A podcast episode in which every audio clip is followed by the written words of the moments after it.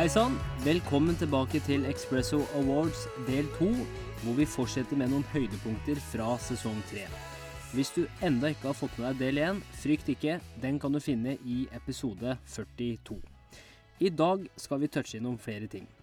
Alt ifra det å lykkes som influenser, svindel og hvitvasking, tørre å gå sin egen vei og bygge det mens man går, til mangfold som et konkurransefortrinn, og viktigheten av en digital detox.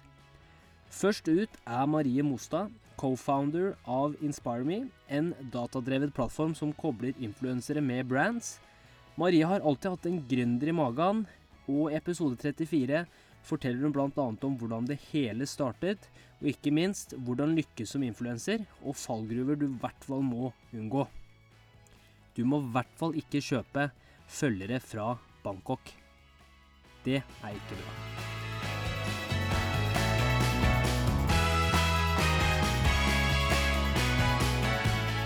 Det vil jo, jeg vil også si at det handler mye om å finne en riktig influenser for et, en gitt merkevare. Da. Mm.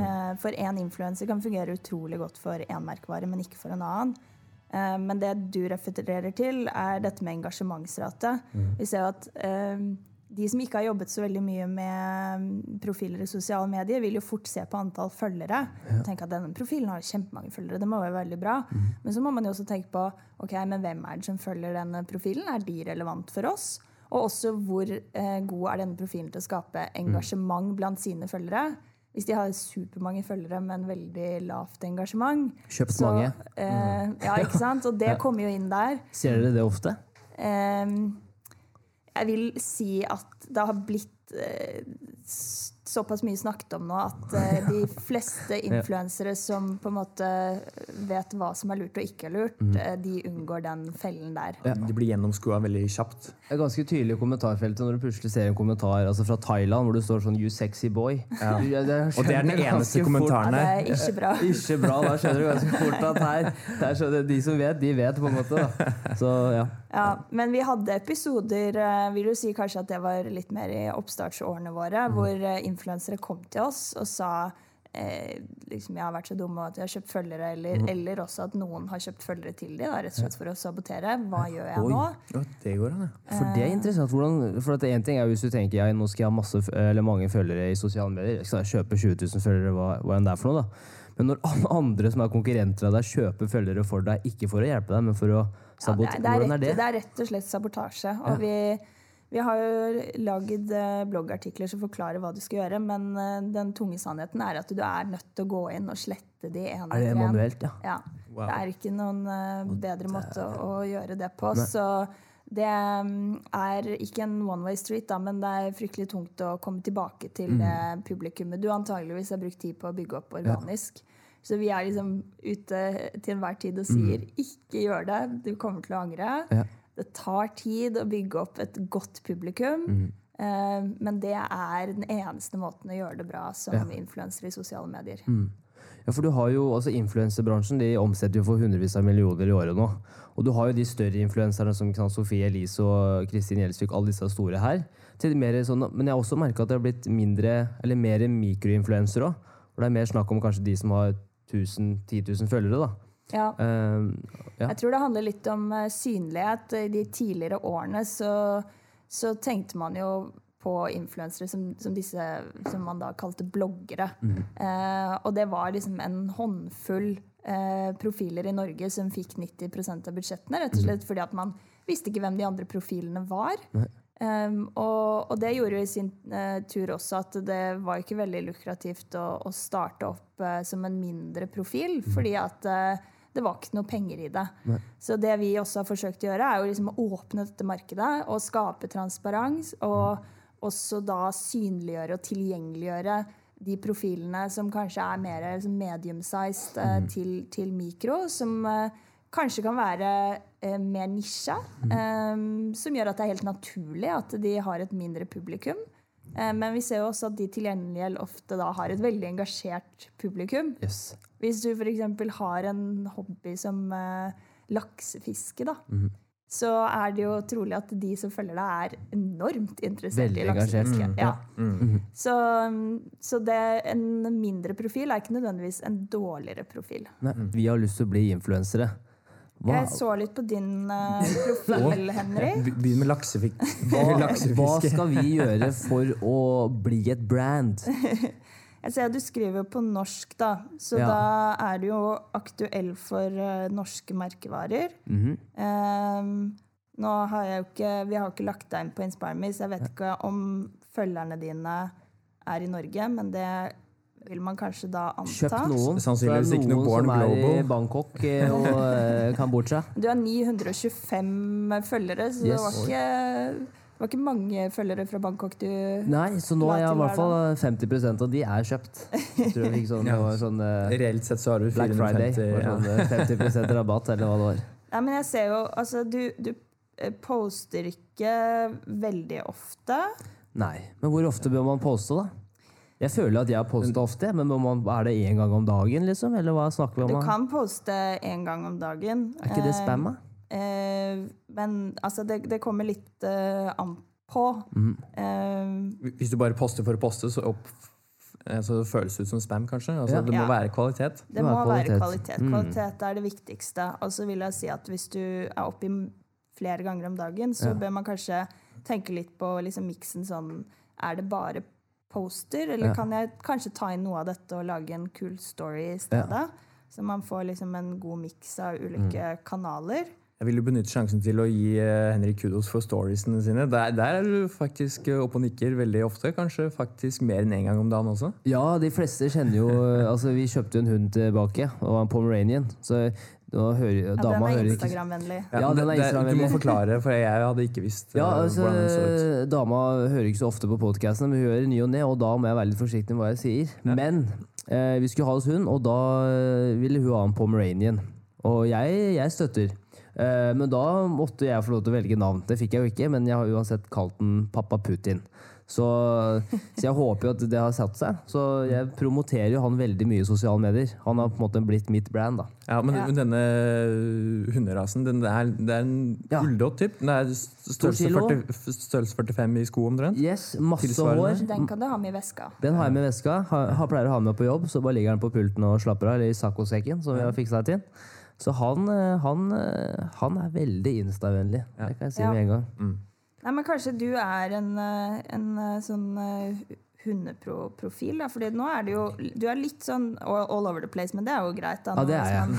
Det, er, det Det er kanskje litt an, annerledes i den hundenisja. For de fleste kan jeg se for meg er litt sånn der, Ja, litt myke Ja. og gå, gå tur med hunden og Yes. sånn, mens du er litt med, Du gjør Det det, er veldig morsomt. ekte. Ja. Det er veldig, det er veldig, det er veldig, det er lite, lite makeup. Det er liksom mm. Jeg kødder med den, og jeg vinner kanskje ikke Daddy of the Year, men eh, jeg har det veldig gøy. Ja. Og det tror jeg de som følger har òg. Ja. Du har 925 følgere, så du er på en måte litt på under det vi vil se. Du Ja. bør helst ha 1000 følgere. Så hvis jeg får 1000 følgere, og jeg går til Inspire Me og sier hei, se på meg, jeg er en influenser, sett meg opp med brands, sier dere da ja, selvfølgelig? Eller hvordan er den eh, rekrutteringsprosessen? Nei, da kan du eh, forsøke å registrere deg hos oss. eh, og, Legg merke til forsøke. forsøket. Forsøk å registrere deg hos oss. og så vil du da gå inn i en eh, godkjennelsesprosess hos oss. Ja. Eh, og da ser vi eh, på innholdet ditt. Ja. Det må være av en viss kvalitet. Hva mener du med det? Hva er, en viss kvali hva er en viss kvalitet? Nei, altså det For å si det sånn, da. Dårlig innhold er f.eks. at du tar screenshots av masse greier og poster Ja. det. Da lager du ikke eget innhold, og Nei. da har du egentlig ikke noen verdi som, som influenser. Jeg må gjerne fortsette å gjøre det. Ja. men da tror jeg ikke det er veien å gå. Nei. Um, og så er det jo på en måte, hvis du da tar egne bilder, at, det- at det er liksom gode, gode bilder, engasjerende, kule captions. Um, og, og at det er innhold som engasjerer dine følgere. Um, og K- s- Selve kvaliteten på bildene her for man, man ser jo uh, mange som kanskje bare er morsomme, som tar bilde av altså De sitter på bussen og så bare opp med kameraet kjapt og så tar bilde av et eller annet morsomt.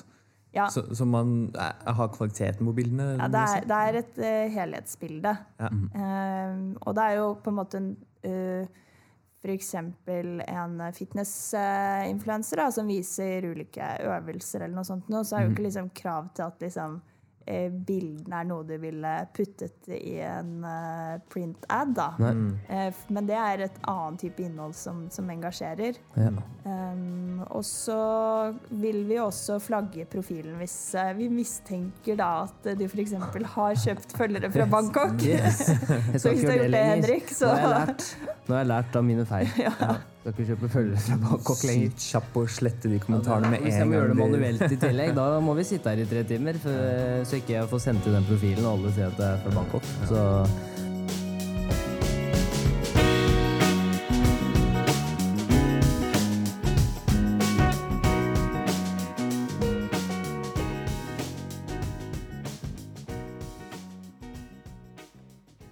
Når du hører suksessrike mennesker i anførselstegn snakke om reisen til fjelltoppen, kan det ofte virke som de fra tidlig alder visste hva du skulle gjøre, og stegene de måtte ta for å komme dit.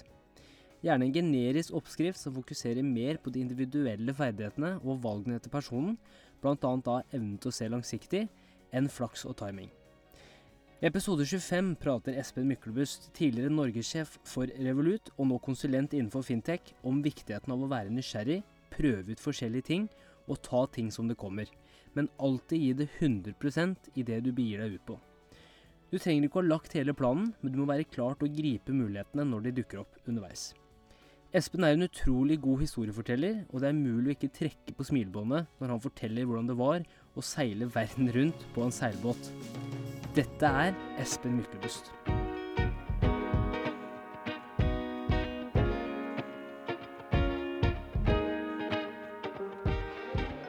Så vi var fem gutter da. Vi dro um, på tur i et år og samlet inn penger for å bygge en helsestasjon på Haiti.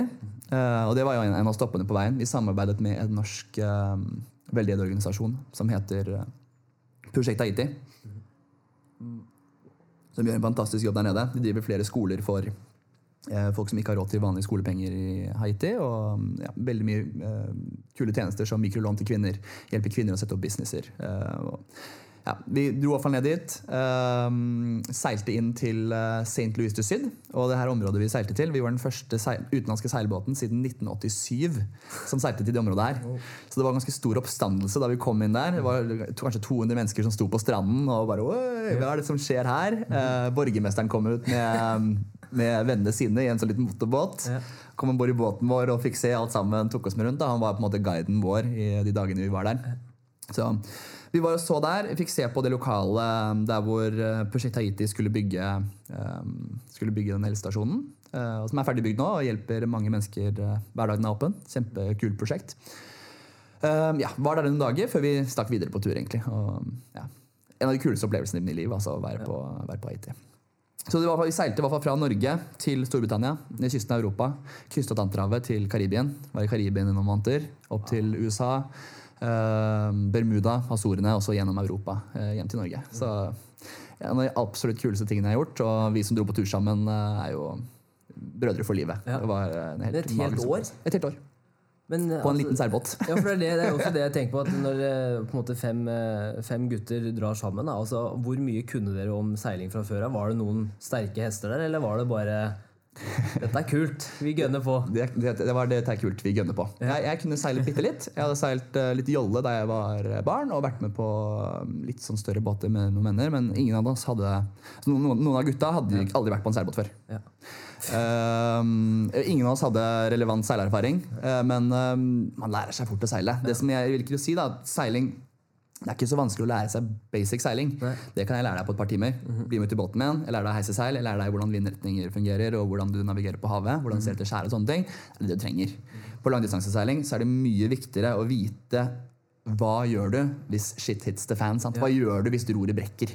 Hva gjør du hvis du seiler inn i en hval? sant? Eh, hva gjør du hvis, hvis, hvis seilet revner da, midt i en storm? Hva gjør du hvis masten knekker? Det er de tingene her som er viktigst å kunne. Um, det som er vanskelig med seiling, er jo å seile fort. Ja. Og det er ikke så farlig på langdistanseseiling. Vi skal bare ha seilet oppe vi å komme oss dit eh, vi skal, uten, å, uten å skade oss. Ja. Og det får man til, altså. Eh, selv om man ikke har mye erfaring. Og det gjorde dere. Det gjorde vi, Ja. rett og slett. Men var det noe, noe øyeblikk hvor altså, shit hit the fan? Altså, var det noen ganger dere tenkte 'dæven, nå dauer vi'? Eller, Ja, det Ja. Nei, det, jeg trodde aldri vi skulle dø. Um, vi hadde en veldig solid uh, gammel XJ fra 89. Ja. Hvis de som kjenner Kjerling, da vet at XJ er et veldig bra merke. Det var en gammel, god uh, og rund dame, uh, men rask og solid. Veldig stabil rigg og veldig stabil skrog. Um, og, men på vei hjem over Atlanterhavet Da hadde vi vel det skumleste øyeblikket. Eh, For da, Man er jo flere uker ute på havet. Sant? når man krysser. Første gang vi krysset havet, så var vi 25 dager ute på havet uten å se land. Andre gangen så var vi vel 14-15 dager. Jeg er ikke helt sikker akkurat hva det var. Men eh, ja, du er en stund ute, da. Eh, Og vi brukte ikke motor eh, da, vi, da vi var ute på havet. Så vi ser jo da etter at vi har vært omtrent en uke eh, ute på havet, at eh, nå kommer det en skikkelig storm her. Direkte retning oss. Den kommer til å treffe oss. Båten vår er ikke rask nok til å seile vekk fra stormen. Nå må vi bare sitte fint i det. Og da er vi midt ute på havet, altså en uke før land. Um, ja, så da er det bare å forberede seg, vente på at stormen kommer. Jeg var jo på vakt da denne stormen traff oss. Eh, og det var, ja, det var ganske kaos. Roret knakk. Uh, vi hadde nødror, heldigvis, da, og autopilot som klarte å ta tak i roret. Men ser du den der rorstammen, da, som, eller ikke rorstammen, det for noe? Den der koblingen mellom rattet på båten da, og roret knakk, så vi kunne ikke styre manuelt. Vi, satte på autopiloten. Uh, stormen her varte kanskje 24 timer, da. Ganske brutalt. På et tidspunkt så Fæle bølger og ja, gigant. De var større, høyere, altså de bare slo over båten, og det var helt Texas, altså. Bølgene, Du ligger der med vinden i ryggen, da. Mhm. Eh, bølgene i ryggen, så bare surfer du på bølgene bortover. Og noen ganger så tar båten tak i, uh, i vannkanten på en måte, og broacher. Ja. kjører seg ned litt i sånn vannet. nedi. Ja. Og da var det et par ganger der masten var under vann. Vi holdt på å flippe båten. Uh, og det ene av de broachene da, uh, da ble um, Han ene lå og sov, eller prøvde å sove i hvert fall, i uh, midten av båten, da, i sofaloungen. Og han lå liksom inntil veggen, og båten ble, liksom, ble kastet over på motsatt side.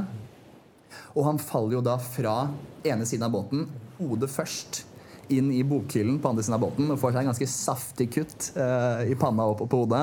Uh, vi har alt her på film, faktisk. Det, kan, det, ligger, det ligger på Facebook-siden til, eh, til båten vår. SY Solskinn heter det. Heter Facebook-siden, hvis noen er interessert. Eh, ja, det var ganske brutalt. Og da, da var det, noen av gutta var da litt sånn ja, litt dårlig samvittighet overfor eh, familien. og sånne ting. uh, selv om vi skjønte at det kom til å gå fint, men det var brutalt. altså. Mye bevegelse. og... Sånn, eh, sånn avslutningsvis, det, det jeg virkelig liker, Espen, og det tror jeg veldig mange kan lære av deg òg, er jo at uh, det finnes flere veldig dårlige oversettelser, men det finnes flere veier til Roma enn eh, sånn som man ofte tenker at. Eh, og du har jo også virket som har gått en litt mer utradisjonell vei. Du har liksom, du har, hvis du har hatt en interesse for noe, så har du bare hoppa ut i det og prøvd det. Og Vi snakka litt om det innledningsvis, men hva slags råd ville du gitt til eh, Espen på 20 år? Espen på 20 år, fortsett å gjøre det du driver med. jeg har vært veldig glad for um, stegene jeg har tatt. Um, alltid egentlig bare gjort det jeg vil gjøre, og så har det funket. Uh, og det tror jeg veldig mange kan um, ta en merknad av. Da. Det er ikke, ikke gjør det som foreldrene sier er riktig, eller eh, som samfunnet forventer. på en måte. Vil du til Chamonix og stå på ski, gjør det. Ja. Vil du dra på seiltur og seile, gjør det. Du lærer dødsmye av det også. Ja. Jeg lærer masse, jeg masse på seiltur som jeg bruker i jobben min i dag. Man skulle ikke tro det, men mange ser jo på det som en sånn glorifisert ferie i et år. Men altså, jeg lærte så mye om teambuilding, hvordan jobbe sammen i en gruppe, konflikthåndtering. Ja.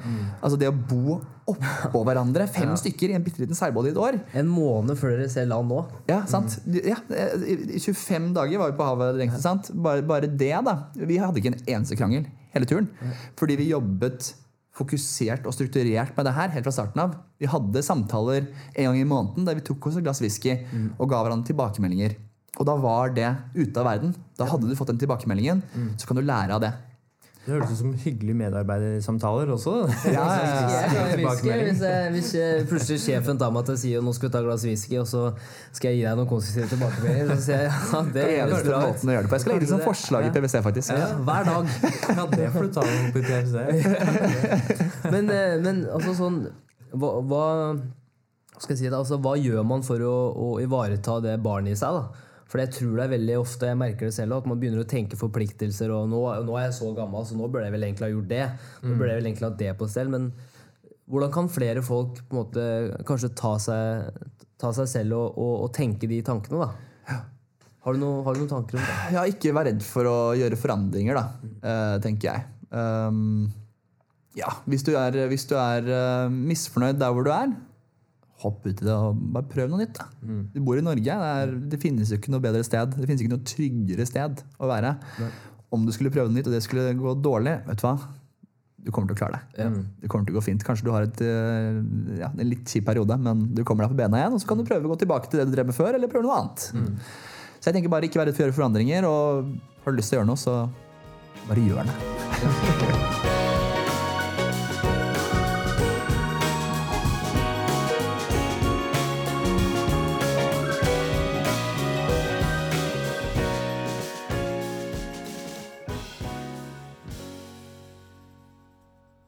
Hvordan vil du beskrive ditt eget mindset? Vil du si at du er en person som er åpen og som aktivt søker endring og utvikling, eller er du en person som mener at de grunnleggende evnene, intelligensen og talenter kun er faste egenskaper? Javad Mushtak, grunnlegger av MAK, investor og annet rådgiver i Gunhild Stordalens Eat Foundation, er et tidligere kjent ansikt på Expresso, hvor intervjuet hans var et av de mest populære intervjuene vi hadde under sesong 1. I episode 16 deler Mustak sine erfaringer og tanker tilknyttet growth versus fixed mindset, og at det å se muligheter i krisesituasjoner gjelder like mye for individer som for bedrifter. Der mange har våget å utforske nye muligheter, der andre har holdt tilbake. Jawad er en utrolig fin fyr, som også snakker om det å skulle bruke mangfold som et konkurransefortrinn i 2021 og framover. Han er definitivt en person du bør se etter og lære av når det kommer til mangfold, og hvorfor det er viktigere enn noen gang før.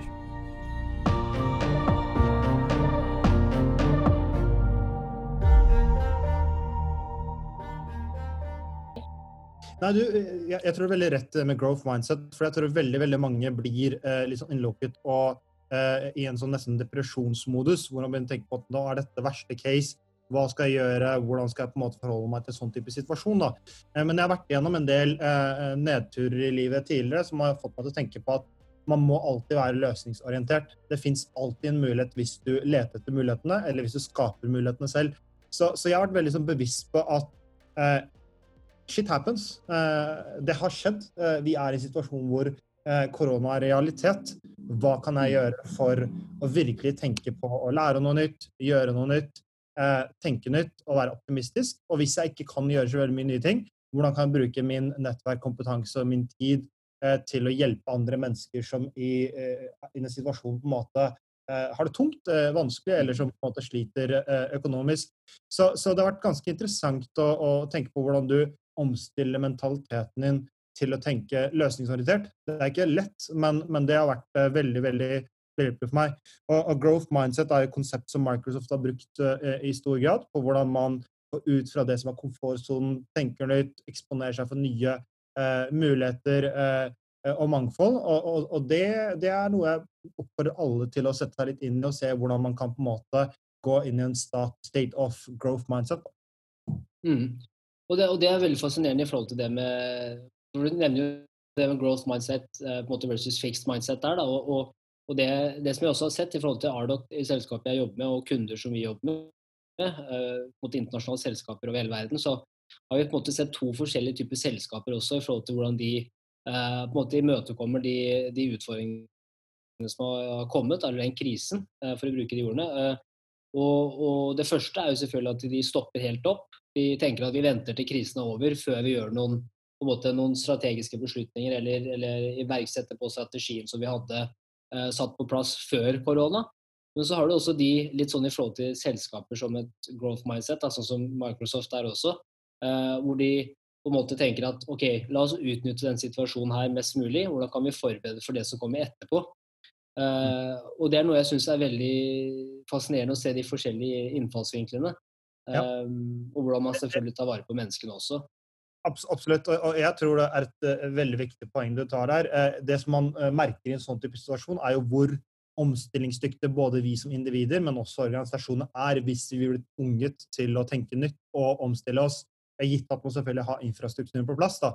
Eh, Mm. og selv om det har vært ganske tøft for veldig, veldig mange bedrifter og bransjer, og det fremdeles er veldig tøft, så har det også veldig, veldig mange bransjer eh, og organisasjoner som har klart å omstille seg til en helt ny type hverdag og en helt ny type måte å jobbe på eh, og skape verdi på. Og jeg så litt av tendensene. eh, Jeg startet i, eh, olje- og energibransjen i, i 2013.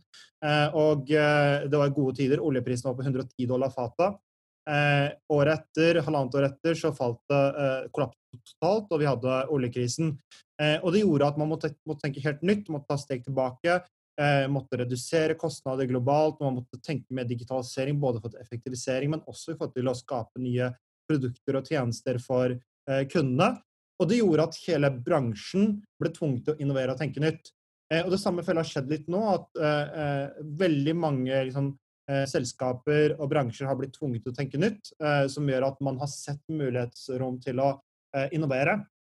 Og man sier ofte at det er egentlig i en krisesituasjon hvor man innoverer best.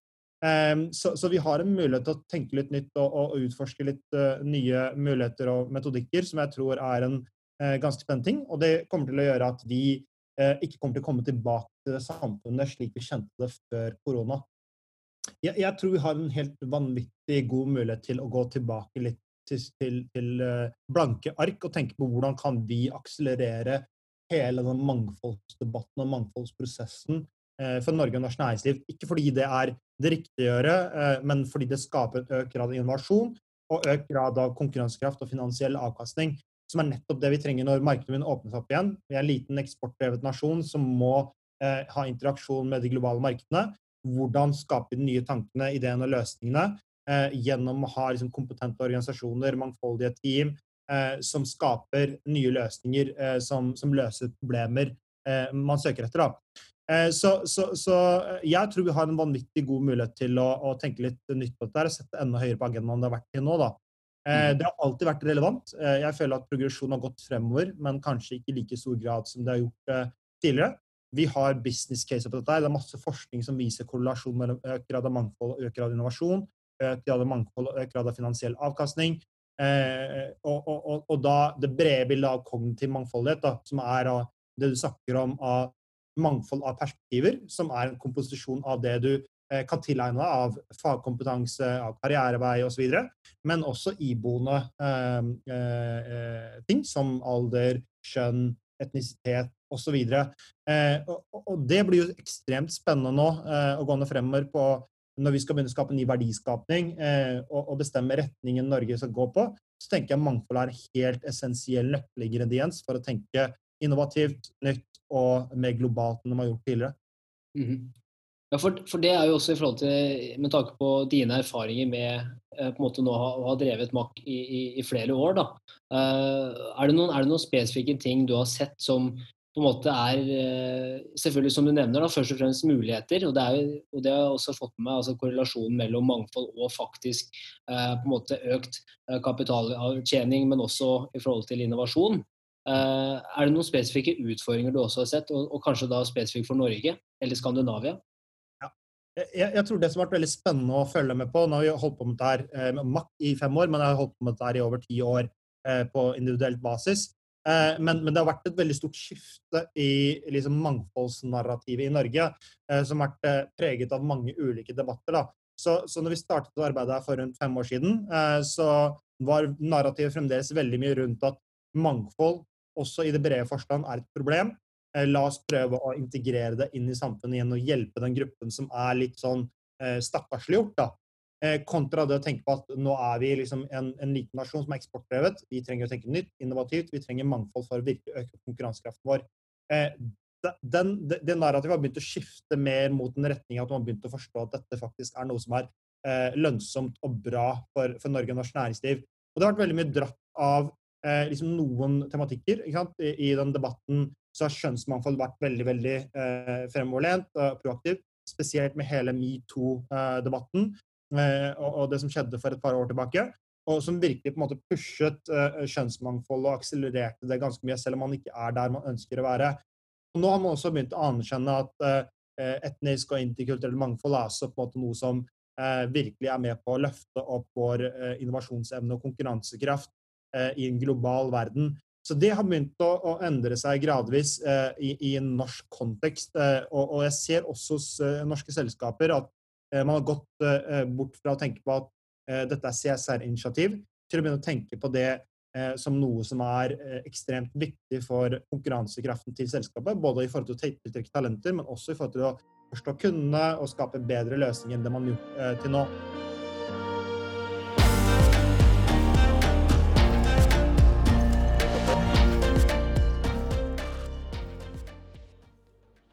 Arnulf Fresnes har både vært finansmann, internasjonal supermodell, ingeniør og nå gründer over flere år. I episode 32 forteller han om hvordan det var å jobbe for verdens største motehus på 1990- og 2000-tallet, og reise med brødboksen. Når vi møttes på en sen sommerdag tilbake i 2020, fortalte han om det nye selskapet han hadde startet, Nordic, Norges største online treningsstudio. Kun noen måneder etter intervjuet i Myntgata har Nordic virkelig fått fart under vingene, med nye medlemmer hver dag, og jobber nå med å internasjonalisere produktet. Han snakker om det å skulle ta kalkulert risiko, hvordan ideen Brødboksen kom til live, og reisen generelt med både oppturene og nedturene. Det er nok ikke siste gangen du kommer til å høre Arnulf på podkasten.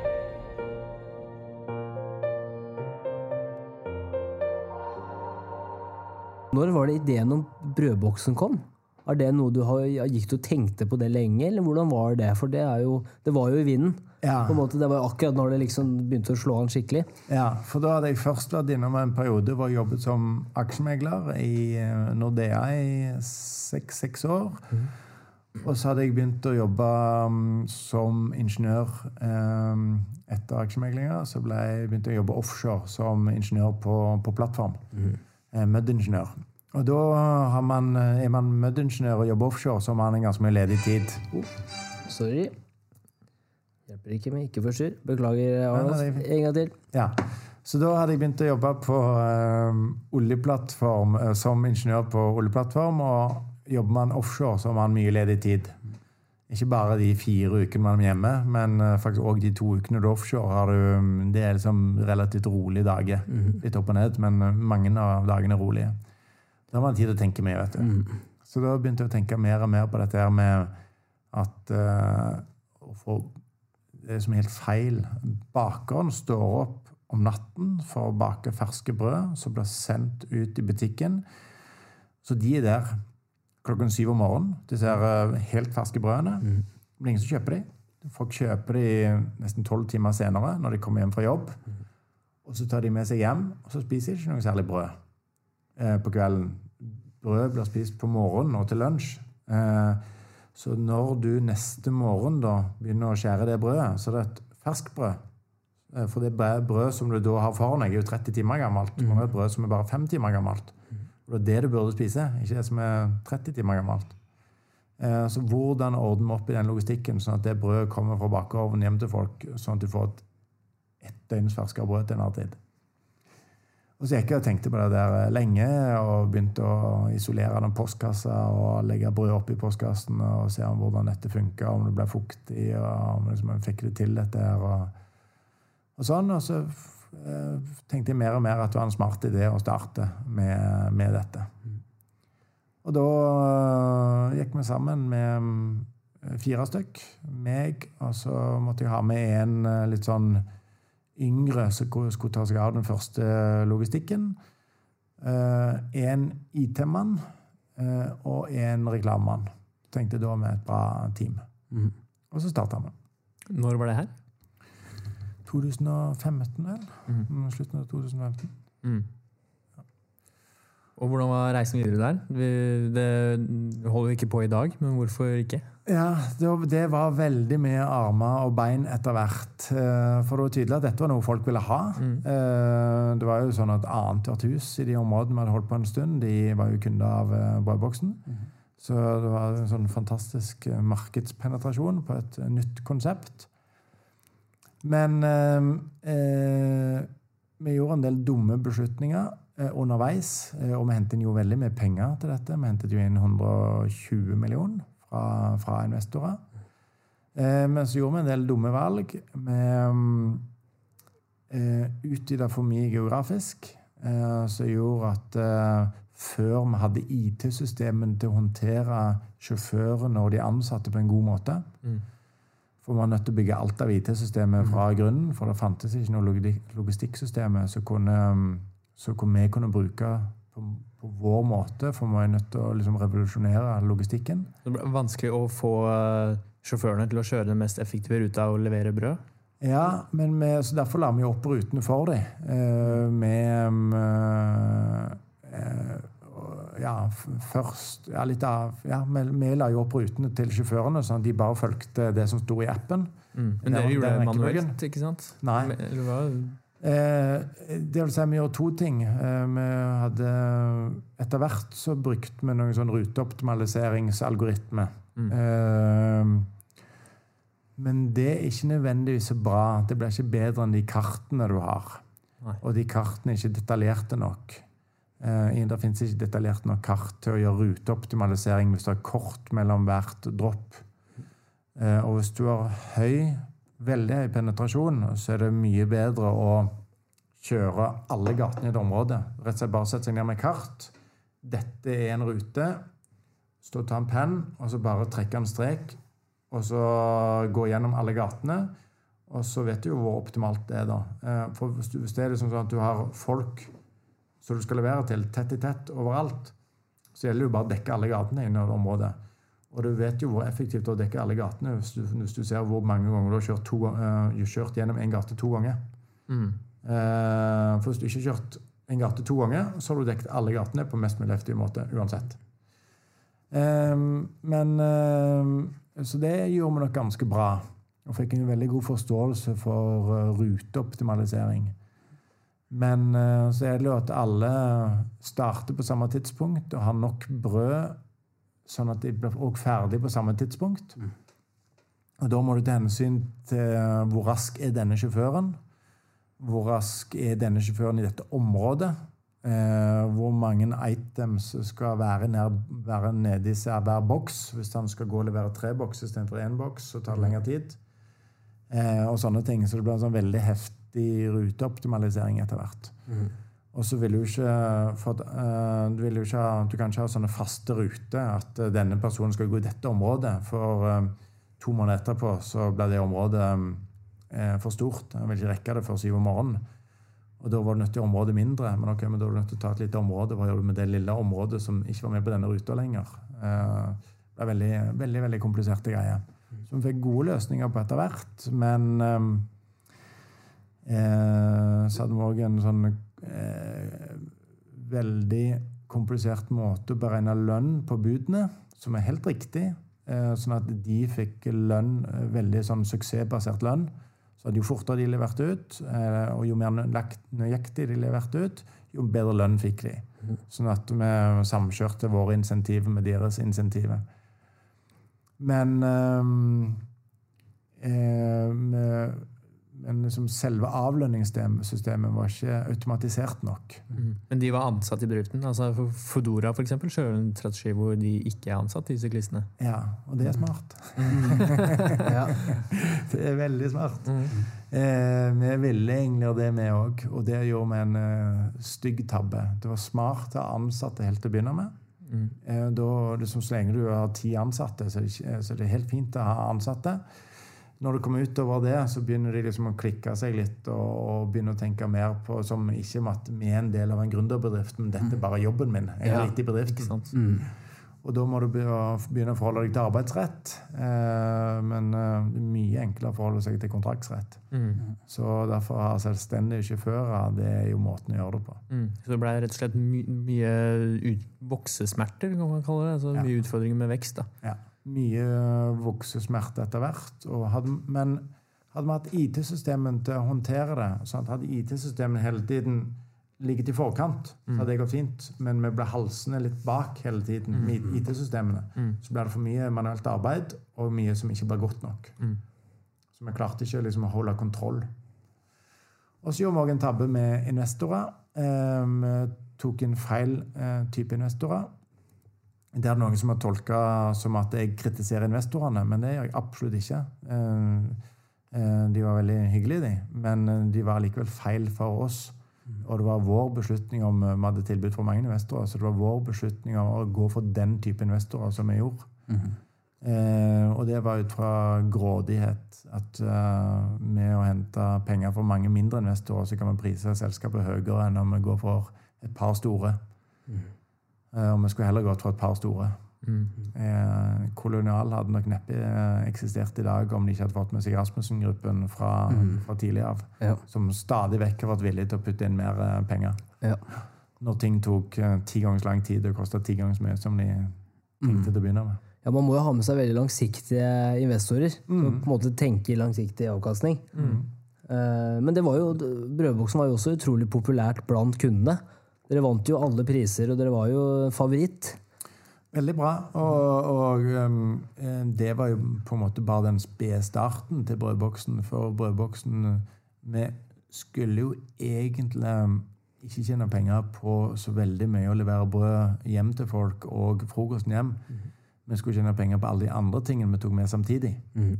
For um, netthandel, netthandelslogistikk blir jo gjort helt feil. Eh, nå har jo, Ta for eksempel Claes Olsson. da, De har fått en avtale med, eh, med Kolonial nå, som, som jo gjør det bedre. Men hvis du bestiller noe på Claes Olsson, så kan du forvente noe for, få det i posten en uke etterpå.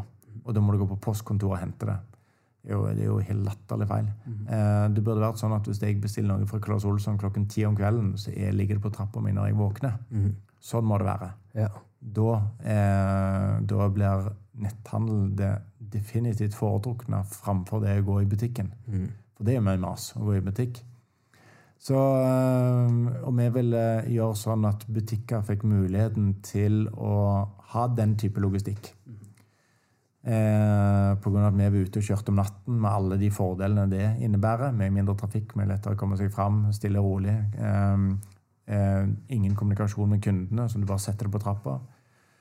Eh, og eh, persepsjonen av logistikk òg er mye raskere. At du bestiller noe, så blir du bevisstløs, du sover. Og idet du våkner igjen, så står det der. Det er liksom litt sånn magisk. Så eh, det er jo sånn som logistikk bør være. Og det er fullt mulig å få det til. Ja. Eh, så det var jo tanken at det skulle vi tjene penger på eh, etter hvert. Det kom eh, ikke i gang med. Veldig interessant case, men eh, videre i det så har du jo eh, vært med og starta to eh, andre bedrifter også. Agilis og Nordic. Kom du og, var det du og kona di som kom på ideen først? Og så, Hvordan var det? Hun er jo personlig trener, eh, og eh, har vært det i ti år. eh, Og har hatt liksom kjempesuksess med det. Hun er vel en av de få trenerne som har startet liksom et eget studio og for folk som vi har i huset vårt. Så hun, hennes kunde kommer hjem til oss og trener på hennes studio i, i huset vårt. Eh, um, og så eh, begynte liksom for et år siden å snakke om at det burde være mulig å gjøre dette her eh, online på en god måte òg. Og så snakket vi mye rundt dette her og kom fram etter hvert til det som er eh, Nordic-konseptet nå, da. Og det finnes mange trenere som har eh, sendinger, direktesendinger på Facebook eller Instagram eller noe sånt, men det er ikke interaktivt. Så eh, ta først da, så Online trening mener jeg vi kan som, eh, dele inn i tre nivåer. Du har på en måte lavest nivået. Det er å lage en webside med ferdiginnspilte videoer, og så sier du til kundene gjør sånn som vi gjør på disse videoene. Det er jo det primært Sats gjør. Eh, og det mener jeg jo, det har jo andre gjort i ti år snart. Og YouTube flommer jo over av treningsvideoer. Yes. Så det, jeg forstår ikke at noen kan klare å ta betalt for det i det hele tatt. Eh, Ferdiginnspilte videoer. Ja. Så har du eh, Og det som, det som er problemet der, der, det er at det er ehm, Det er vanskelig å orientere seg i hvor de gode videoene. Og så er det òg Du kan starte klokken åtte i kveld, eller du kan starte ti over åtte. Eller du kan starte i- klokken ni. Eller du kan også starte i morgen, hvis du vil i morgen. Eh, og du, det, er som, det, er, det er ingen sånn sense of urgency, for akkurat den samme videoen ligger jo der hele tiden. Så du har ingen avtale, eh, og familien din vet at eh, det finnes en pauseknapp på den ferdig innspilte videoen. Det er, som, det er ingen grunn til at du skulle konsentrere deg om denne treninga som du holder på med nå, på bakgrunn av den videoen der. For du kan pause, du kan begynne i morgen, du kan begynne når som helst. Så er det direktesendte videoer. Og her, her kommer jo liksom det praktiske i konflikt med psykologien til folk. For det, det, veldig, det høres jo veldig praktisk ut at du kan starte å trene når du vil. Men det er altfor mye frihet for folk i praksis. For, for folk skal trene, så er det mange som har forstått dette, da, så er det jo sånn at du lager deg gjerne en avtale med en kompis. Vi starter å trene klokken åtte. For da blir det ikke noe utsatt. Da har du en fast avtale, og du pusher hverandre. Så da er det jo noen som starter med direktesendte videoer. At du er nødt til å være med. For å være med på den treningen, så starter det da klokken syv i kveld. Og det, de som jo lager direktesendte videoer, de merker det at, eh, og legger det ut etterpå, det at 90% blir med når videoen blir sendt direkte, og så er 10% som ser på en sånn ettertid. For det føles liksom ikke fresh lenger. Det er litt som å se en fotballkamp eh, dagen etterpå. Selv om du ikke vet resultatet, så er det liksom det, det blir ikke det samme. Folk ønsker å se direkte når det skjer. Ja. Og så det tredje, det er jo interaktivitet. At uh, når du trener, så kan treneren se hva du gjør, og kommentere hva du gjør. Uh, og det, det er jo det vi satser på i, i Nordic. At uh, hvis jeg da skal være med på en trening, så er jeg nødt til å dukke opp på et bestemt tidspunkt. Jeg er nødt til å booke det på forhånd, sånn at jeg lager en avtale med meg sjøl. Og så er jeg nødt til å starte på nøyaktig det tidspunktet. Folk skal komme inn i prøve, med, eller, eller prøve å komme inn i rommet ett minutt over syv, da, hvis du startet syv. De får ikke lov til å være med. Så du er nødt til å være der på, på tiden. Og så starter treningen, og så øh, kan treneren se alle som er med, og kommentere og name-droppe hele tiden. Eh, og, og, og så si at eh, Kjempebra. Eh, men litt høyere opp. Eh, Kjempebra, Lars, men litt høyere opp med den eh, foten. Og da skal jeg love deg, Lars tar den foten litt høyere opp. altså. Og alle andre som har vært litt slappe med foten, de òg tar foten høyere opp. Eh, på grunn av at de føler seg sett. Eh, og det er ingen basically som eh, stopper underveis i økten. For det de, ingen vil liksom, det, det, det er det positive gruppepresset eh, som, eh, som kommer om at eh, alle vil prestere foran de andre. Du får den dynamikken, så du også får en saltrening. På godt og vondt. Noen syns det er litt, sånn litt for intrusive å gå inn i en sal eller gå inn i et um, videokonferanse med mange andre som trener. Men for de fleste så funker det positivt at har du først gått inn, så fullfører du treningen din, og du gjør ditt aller beste. Mm. hvordan gjør dere det med tanke på at altså, alle har mobilen eller PC-en med webkamera og PC-en, ja. Mm. kan Altså de, gjennom deres plattform, eller bruker man Zoom, liksom? Vi bruker Zoom nå. Okay. Eh, og Zoom eh, fungerer, men har mange begrensninger eh, som gjør at det ikke er en optimal løsning i det hele tatt. Så vi holder på å utvikle vår egen videokonferansesystem, Ja. som vi tenker å lansere om et par uker nå. Yes. Ja. Da er det bare å holde øynene åpne. Da er det kanskje Yes. ute når denne podkasten er ute, faktisk. Ja, Ja, det er Ja. faktisk. Kult. Og det er jo ingen enkel sak å lage videokonferansesystem. Så det, det er mye med det-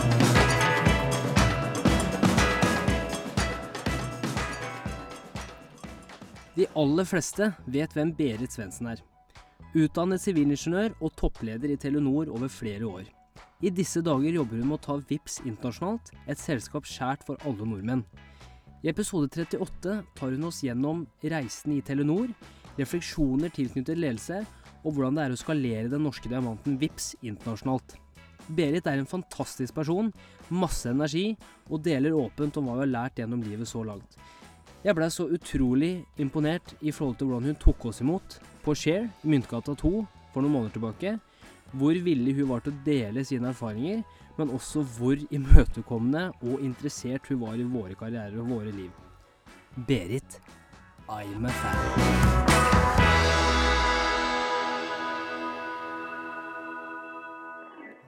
Interessant.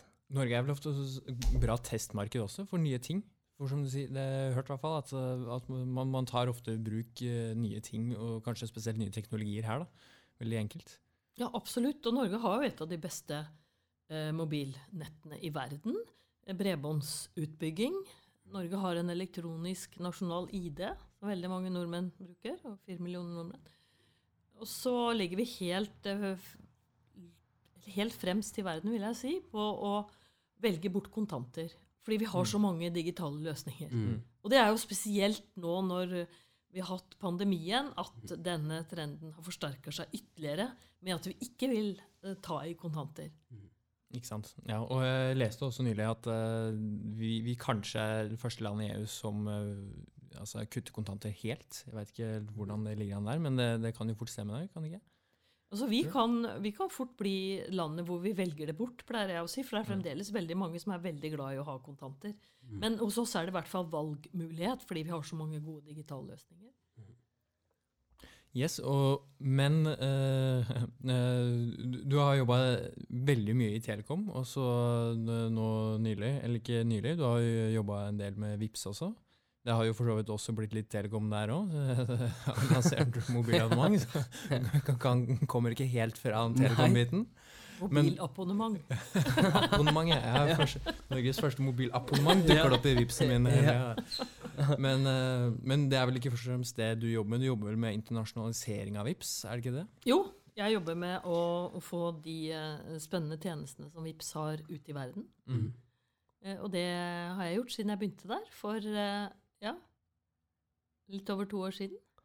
Ja. Hvordan, hvordan er det å skulle ta Vips ut eh, i verden med Altså, vi har jo en ganske eh, god eh, teknisk løsning på eh, som jeg har forstått. Vi, vi intervjua jo Daniel Dødelein her, som også har eh, som grunnla Settle. Eh, så, så vi har fått litt, eh, litt eh, teori på akkurat det her. Men eh, å, å, å ta den eh, teknologien ut i verden, hvordan, hvordan gjør man det? Nei, det er jo et, et godt spørsmål, og, og vi skal jo selvfølgelig heie på, på Daniel og, og eh, det som han forsøker å få til. For det er, altså, Norge trenger å få frem noen fintech-stjerner. Det er ikke tvil om det. Det er jo en, en bransje som er i så stor vekst, og at ikke vi nordmenn skal klare å ta en del av den verdiskapingen når vi ligger så langt fremme på, på finans- og og bankteknologi, så tenker jeg at det er eh, veldig, veldig spennende det Daniel driver med. Uh, og i VIPS så har vi som sagt vi har prøvd og vi har lært litt. Um, vi eh, var med i en stor konkurranse i fjor, hvor vi svarte på en RFP i et land i Europa på hvordan vi kunne kopiere VIPS i det landet og få bankene til å samarbeide. Og så vidt jeg vet, så Vi ble nummer to. Eh, og så vidt jeg vet, så driver de og forhandler med nummer én-aktøren enda. Og det er da var det en erkjennelse for oss at dette har ikke vi tid til. Vi kan ikke For det første så er det veldig mye ressurser å svare på en sånn RFP. Eh, og VIPS er jo det er jo en mellomstor bedrift, men allikevel, vi har altså så mye spennende vi skal eh, jobbe med i VIPS, og ta nye posisjoner. Eh, og da ble det en erkjennelse at vi er nødt til å ha en partner. Skal vi gjøre dette fort innenfor et marked og mellom markeder, så trenger vi en partner. Og da kom det veldig tidlig opp at Visa de sitter jo på verdens største betalingsnettverk. Så det er 3,5 milliard mennesker som har et Visa-kort. Det er, eh, er det 61 millioner eh, steder i verden hvor du kan bruke det kortet. Og da ble det veldig naturlig for oss å tenke hvordan kan vi samarbeide med Visa, som har dette betalingsnettverket. Fordi folk tror at Visa eh, bare kan du si, har dette kredittkortet og, og, utsteder kreditt. Men de står jo for den komplekse sammenhengen mellom selger og kjøper på så mange steder i verden.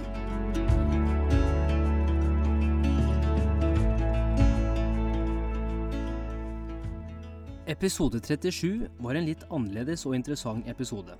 Da pratet vi med Kjell Ola Kleiven, grunnlegger og styreleder i Risk Information Group.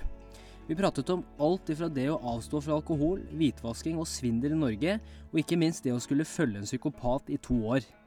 Det interessante er Kjell sitt syn på det å følge målene sine og ikke gi seg, og at det alltid som regel lønner seg til slutt. Du må aldri gi opp.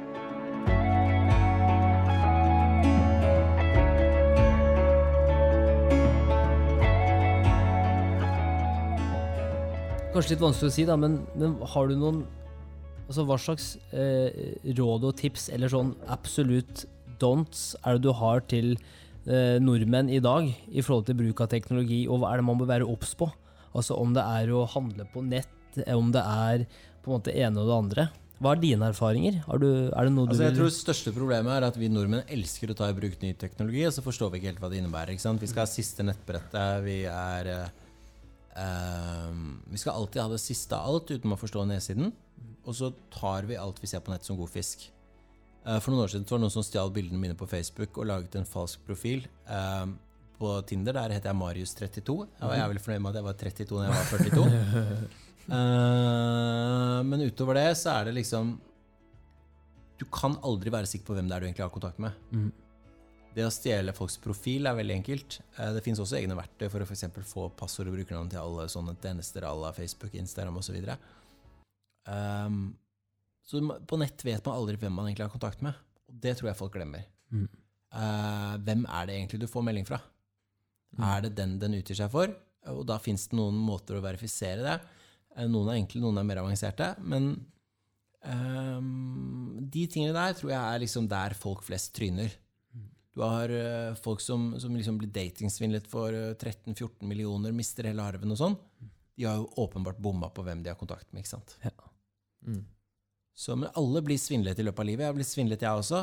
Det um, er den nye hverdagen. I dag så er det narkonettverk og alt mulig. De driver med svindel og bedrageri, for det er mer lønnsomt og korte straffer og liten sannsynlighet for å bli tatt. Ja. Så pumper de pengene inn i narko, terrorfinansiering og annet etterpå. Og det er grunnen til at denne kampen er så viktig. Det er grunnen til at jeg startet Risk Information Group i første omgang. Det er at dette er ikke et individproblem, det er et samfunnsproblem.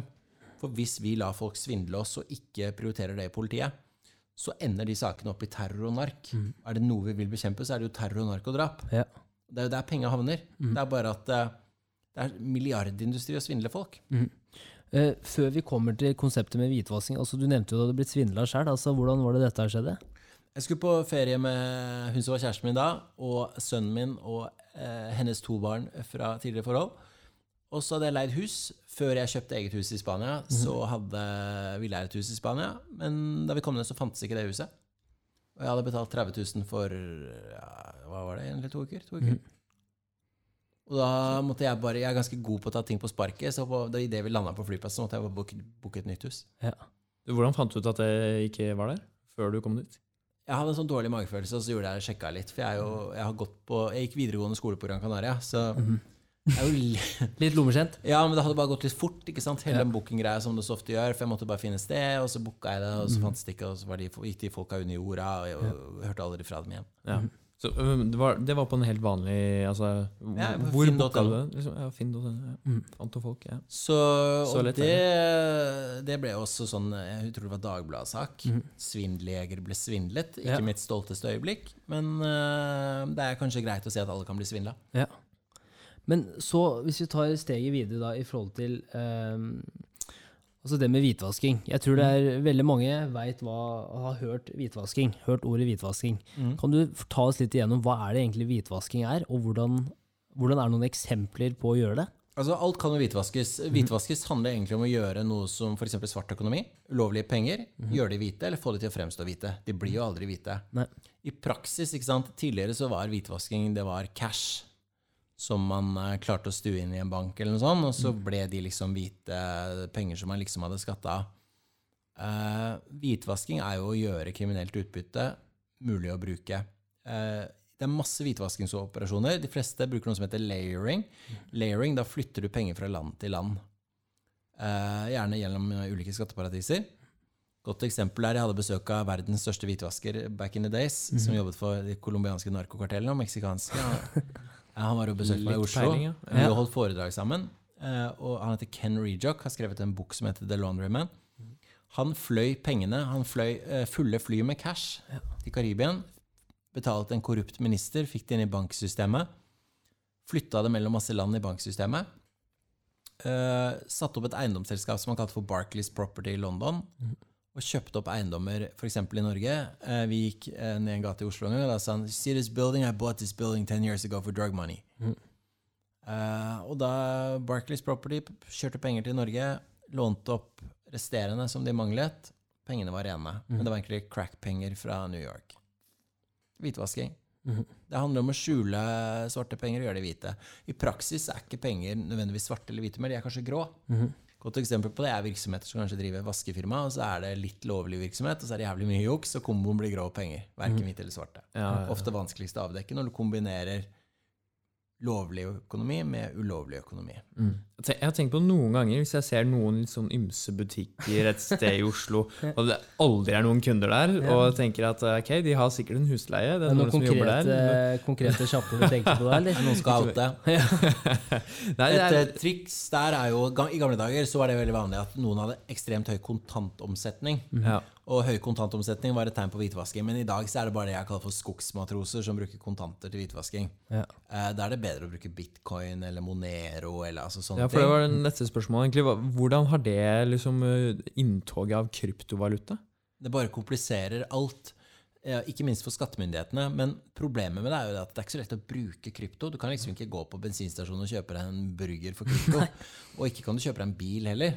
Ja, men Hvis du plutselig har en utbetaling på ti 10 millioner fra bitcoin, da. Du får jo ikke spore av hvor de pengene kommer fra. Nei, det får du ikke på noen som. Ja, altså, jeg vet hvordan du kan gjøre det. Ja. Eh, Du går på walleten, for det er noen som et eller annet sted sitter og drifter walleten din. Så kan du da, hvis du er sånn megahacker, si at ja, men den walleten har jeg bygget selv. Det går an. Eh, Men de fleste bruker en eller annen kommersiell wallet, og de som drifter walleten, er egentlig underlagt hvitvaskingsloven. Så der okay, så- skal det egentlig kunne spores. Men i praksis så gjør det sjelden det, for de er jo tjent på å beskytte din identitet, slik at du bruker deres wallet. Ja, så Coinbase for eksempel, er et eksempel. og de, kan, de er, er de pliktige da til å åpne seg opp? Og I si hvor- teorien, men ja. det skjer jo ikke helt sånn. Men så finnes det jo da verktøy Ja. igjen for å da finne ut hvor, hvem er dette egentlig sin greie. ikke sant? Du kan trekke det ned på IP-adresse, eller kanskje på, på metadata. Eh, hvis du skriver et Word-dokument som du sender til meg og sier Shirora, du skal dø, Mhm. så får jeg opp hvem som skrev det Word-dokumentet i metadataene. Ja. Og Det er sånn vi ofte jobber for å verifisere hvem er det egentlig jeg har med å gjøre. Få Mm. dem til å sende et dokument, og så ser vi hvem som har opprettet det dokumentet. Noen ganger hvis det er flinke kriminelle, så er metadataene falsk. Men da er det en annen historie. Mm. Da, det er alltid sånne logiske brister eller altså, måter å spore ting da, som jeg syns er fascinerende, som gjør at det er gøy. Ja. Og teknologien gjør at det blir som du sa, veldig komplisert for dere også, men hvordan er det dere har klart å bruke teknologi for å på en måte få en edge på de kriminelle? Det er jo det med å hele tiden være kreativ, og det er et evig kappløp, og man må forstå at man blir aldri utlært, og man må gå på jobb hver dag og forsøke å gjøre en forskjell, og forsøke å tenke hakket videre. Så må vi ha gutter som dere, da, som er yngre enn meg, fordi jeg begynner å bli voksen, jeg òg, som følger med på hva som skjer i teknologiverden. Ikke sant? Sønnen min er flinkere enn meg på PlayStation. Han er seks. Han kan gjøre ting med mobiltelefon som jeg ikke visste fantes. Ikke sant? Ikke gikk han. Så det er jo noe, altså det er en teknologigap der jeg representerer den generasjonen som ikke hadde mobiltelefon i oppveksten. Jeg fikk min første mobiltelefon da jeg var 1920, og det var tidlig den gangen. Eh, Jeg hadde svart-hvitt-TV da jeg var liten. ikke sant? Vi hadde én kanal i Norge da jeg var barn. Vi hadde ikke farge-TV engang i mm. første TV-en min. Altså Det høres ut som å være i middelalderen, men det er liksom ja, Hva kan det være? 30 år siden? 35 år siden? Så det handler om å hele tiden forstå og være villig til å lære, tror jeg. Og så handler det om å tenke som en skurk. Hva er smutthullet? Hva er inngangen? Hvis jeg skulle lure dette systemet, hva er svakheten? Hva er svakeste leddet i denne kjeden? Og det ønsker vi å tette igjen. Mens andre vil jo forsøke å utnytte det. Nå som, eh, ja, nå som du blir en voksen mann, som du sa sjøl, hva, slags- hva hva slags tips og råd vil du gi til Kjell på 20 år, eller 25 år, eh, etter det, alt det du har lært nå, både i forhold til gründerskap og ja, om det er å satse på egne drømmer, eller altså, hva enn det er for noe? Ja, en regel er, og det sier jeg til sønnen min på seks eh, hver gang jeg har han. Um, og det er at eh, det er én regel, Maximilian, sier jeg til han, og det er det er ikke lov å gi opp. Hvis du først bestemmer deg for noe, så er det ikke lov å gi opp. Altså, alle de gangene jeg har blitt avskrevet i mitt liv av folk som ikke har troen på meg, ikke mener jeg er god nok, ikke mener jeg er flink nok Så lenge du har en indre drivkraft og bare gjør, så kan de ikke slå deg. Altså, du kan være den eneste som fullfører et uh, 100 mil langt skirenn, men fullfører du, så kan du vinne. Og det jeg har lært etter hvert, er at um, da jeg starta, så var jeg alltid yngste, yngstemann da, men, men det er liksom noe med at um, du må aldri gi opp. Du må aldri slutte å tro på deg selv. Du må aldri høre på de som sier at ting ikke går. Hvis, noen, hvis jeg hadde fortalt noen hva jeg tenkte at Risk Information Group skulle bli, så hadde de knust drømmene mine før jeg hadde prøvd. Mm. Så det viktigste jeg har gjort, var egentlig bare å holde kjeft og bare jobbe hver dag. Og når alle andre var på fylla, så satt vi og jobba. Og vi har bygget noe som vi er stolt av. Det er ikke andre sin drøm. Det kunne vært større og mer fancy, men, men det var vår drøm, og Mm. vi ga aldri opp. Så, og det gjelder jo uansett hva man gjør. Eh, det å aldri gi opp. Å være en fighter. For det, det får man igjen for når man sitter på gamlehjemmet Mm. og samler trofeer og tenker på alt man har vært gjennom, så er det mye kulere å være han gamlingen som har opplevd alt, enn han som Ja. aldri våget fordi han ikke hadde baller.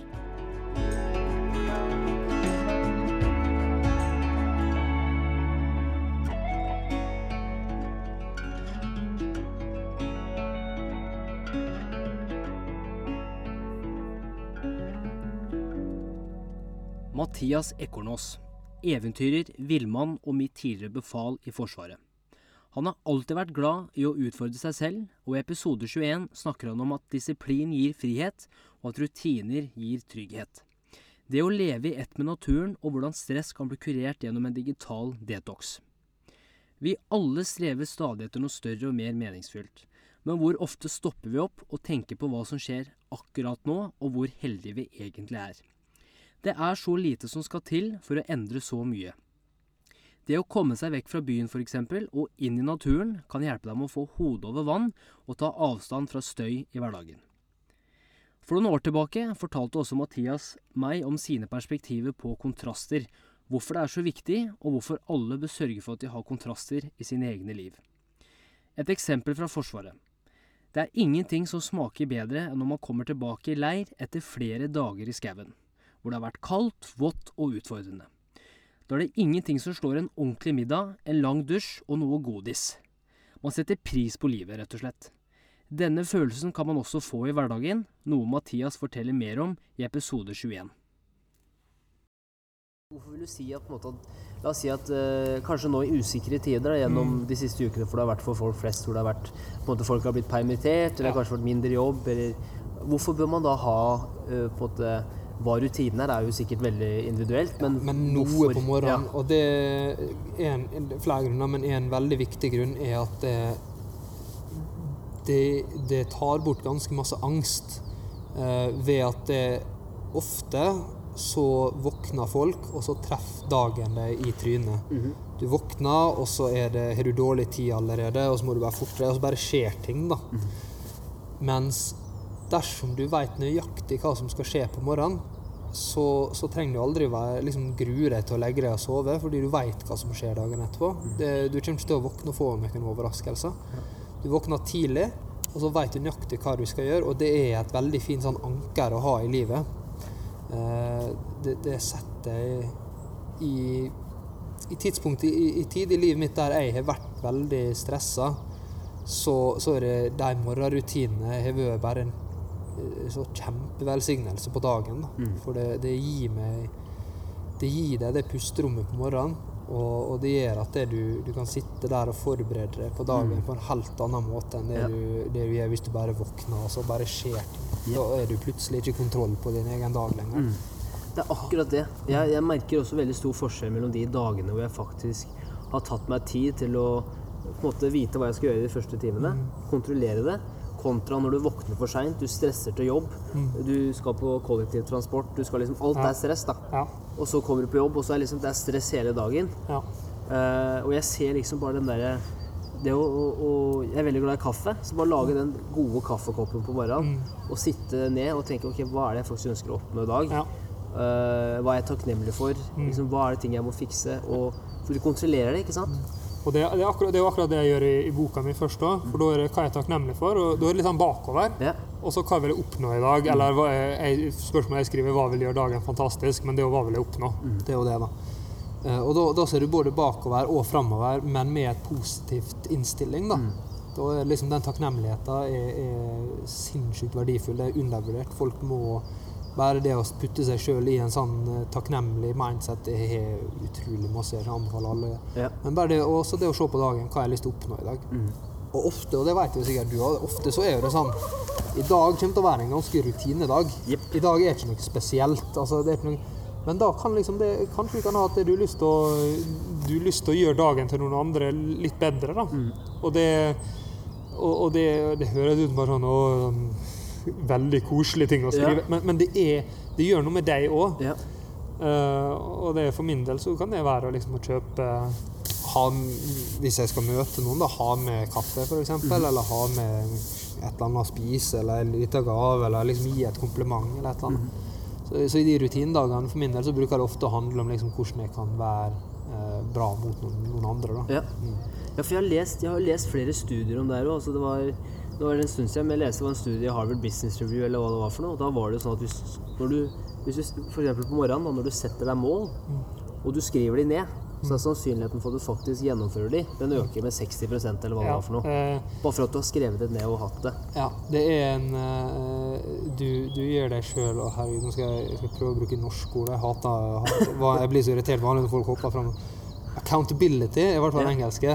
Ansvarlighet. Ansvarliggjør deg Ja, sjøl. Du ansvarliggjør, deg, ja. Eh, og det gjør du når du skriver ned, for du tenker det. Det er jo første steget. da. Du tenker det til deg sjøl. Det her vil jeg oppnå. Skriver du det ned, så gjør du det mer ekte, og du putter det ut i verden der. Mm. Enda mer ansvarliggjøring eh, er jo at hvis du har f.eks. partneren hjemme da, Mm. og kan, kan fortelle til noen andre at det her har jeg lyst til å gjøre i dag Mm. Eh, For da kan du, når du kommer tilbake på kvelden, da, så liksom jeg da leser jeg gjennom hva jeg skrev i boka mi, og da ser jeg at du hadde lyst til å oppnå det her i dag tidlig. Så vet jeg at jeg, da har jeg ikke så veldig lyst til å tenke faen, Nei. det gjorde ikke jeg. Og i hvert fall ikke hvis jeg sier det til noen, Yes. og kanskje jeg spør meg. Nei, for det gjør «Gjorde vondt. det?» Ja, det var sånn, nei, jeg gjorde ikke det. Og, og her er alle de hundre unnskyldningene mine, Mhm. selv om den, ingen av de egentlig Det er en veldig fin måte også å, å rett og slett observere handlingene sine òg. da. Observere litt sånn ja, nå Ok, jeg skylder faktisk på det, at jeg faktisk Ja. ikke fikk gjort det i dag. mm. Ja, ja, ja. For vi er veldig, det er veldig lett for mennesker har jeg merket, å skylde på eksterne ting når ting går dårlig, men selvfølgelig skylde på seg selv når ting går bra. ja, ja, ja. Og så motsatt andre veien, da, selvfølgelig. Ja, ja. Nei, nei det, det er absolutt det, da. Det med uff, Ja, spesielt det du sier, det med å observere hva er det skylda på. Hvor er liksom Hvor er svakheten min, da? Ja. Hva er liksom unnskyldninga? Og, eh, og, og det, det kan av og til være ganske vondt, altså. Ja. Sitte, men det å tørre å ta en titt på det, det tror jeg er viktig. Hva, hva er det jeg skylder på nå, og hvorfor? ja. Hvorfor tør ikke jeg å ta det ansvaret sjøl? Å komme til det stedet, det er jo eh, Det krever som regel eh, kanskje erfaring. Mm. og kanskje altså frontallappen på gutta, den er jo ikke ferdigutvikla før man er 25. Men, men liksom eh, eh, Hva slags tips ville du ha gitt til La oss si du hadde møtt Mathias nå. 21. Sikkert eh, på en måte akkurat kommet inn på krigsskolen eller er i den fasen i livet. Hva slags tips ville, ville du sagt til deg sjøl? I, I forhold til det temaet her, Ja. begynne å meditere nå og mye. Ja. Eh, og begynne å meditere i ikke bare i å sitte og puste, men i, i alt du gjør. Eh, faktisk observere deg sjøl.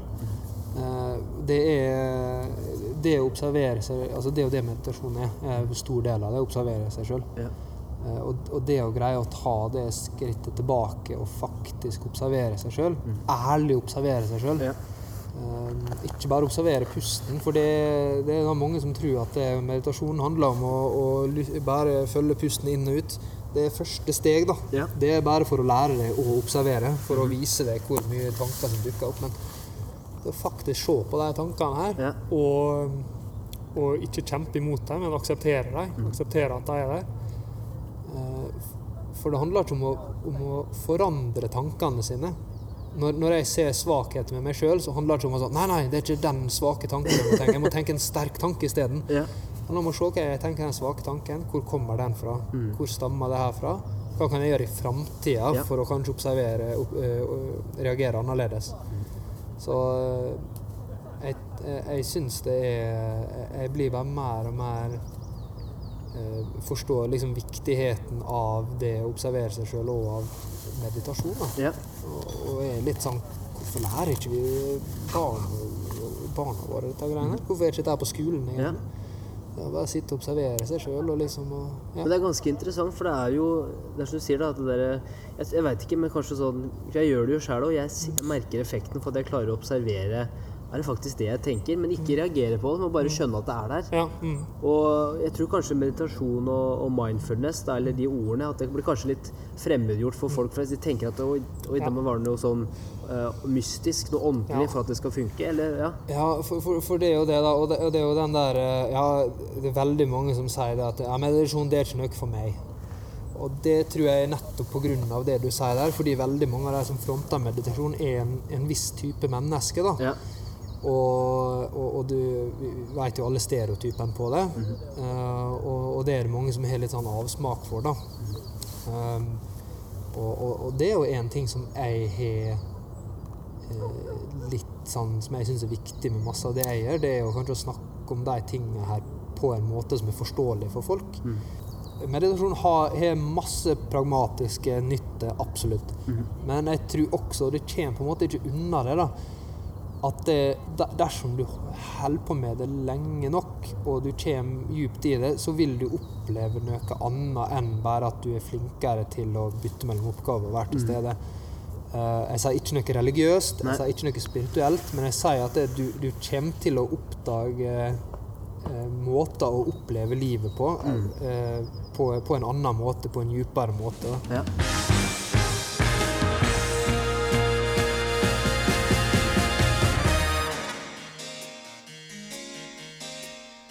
Herregud, for noen fantastiske folk vi har fått møtt det siste året. Folk som gjør eksepsjonelle ting på hver sin måte, og som åpent deler både livets oppturer og nedturer. Det som overrasker meg mest hver eneste gang, er hvor jordnære de er, og hvor imøtekommende de er for å lære nye ting. Det er som fattern sier, eller det er ikke alltid han sier, alt det han sier som er det smarteste, men det er en ting jeg føler treffer ganske bra. Vi har to ører og én munn, og det er en grunn til, noe som er utrolig enkelt i teorien, men veldig vanskelig i praksis for de fleste. Et av mine mål for 2021 er at jeg skal bli en enda flinkere lytter, både på det profesjonelle plan og på hjemmebane.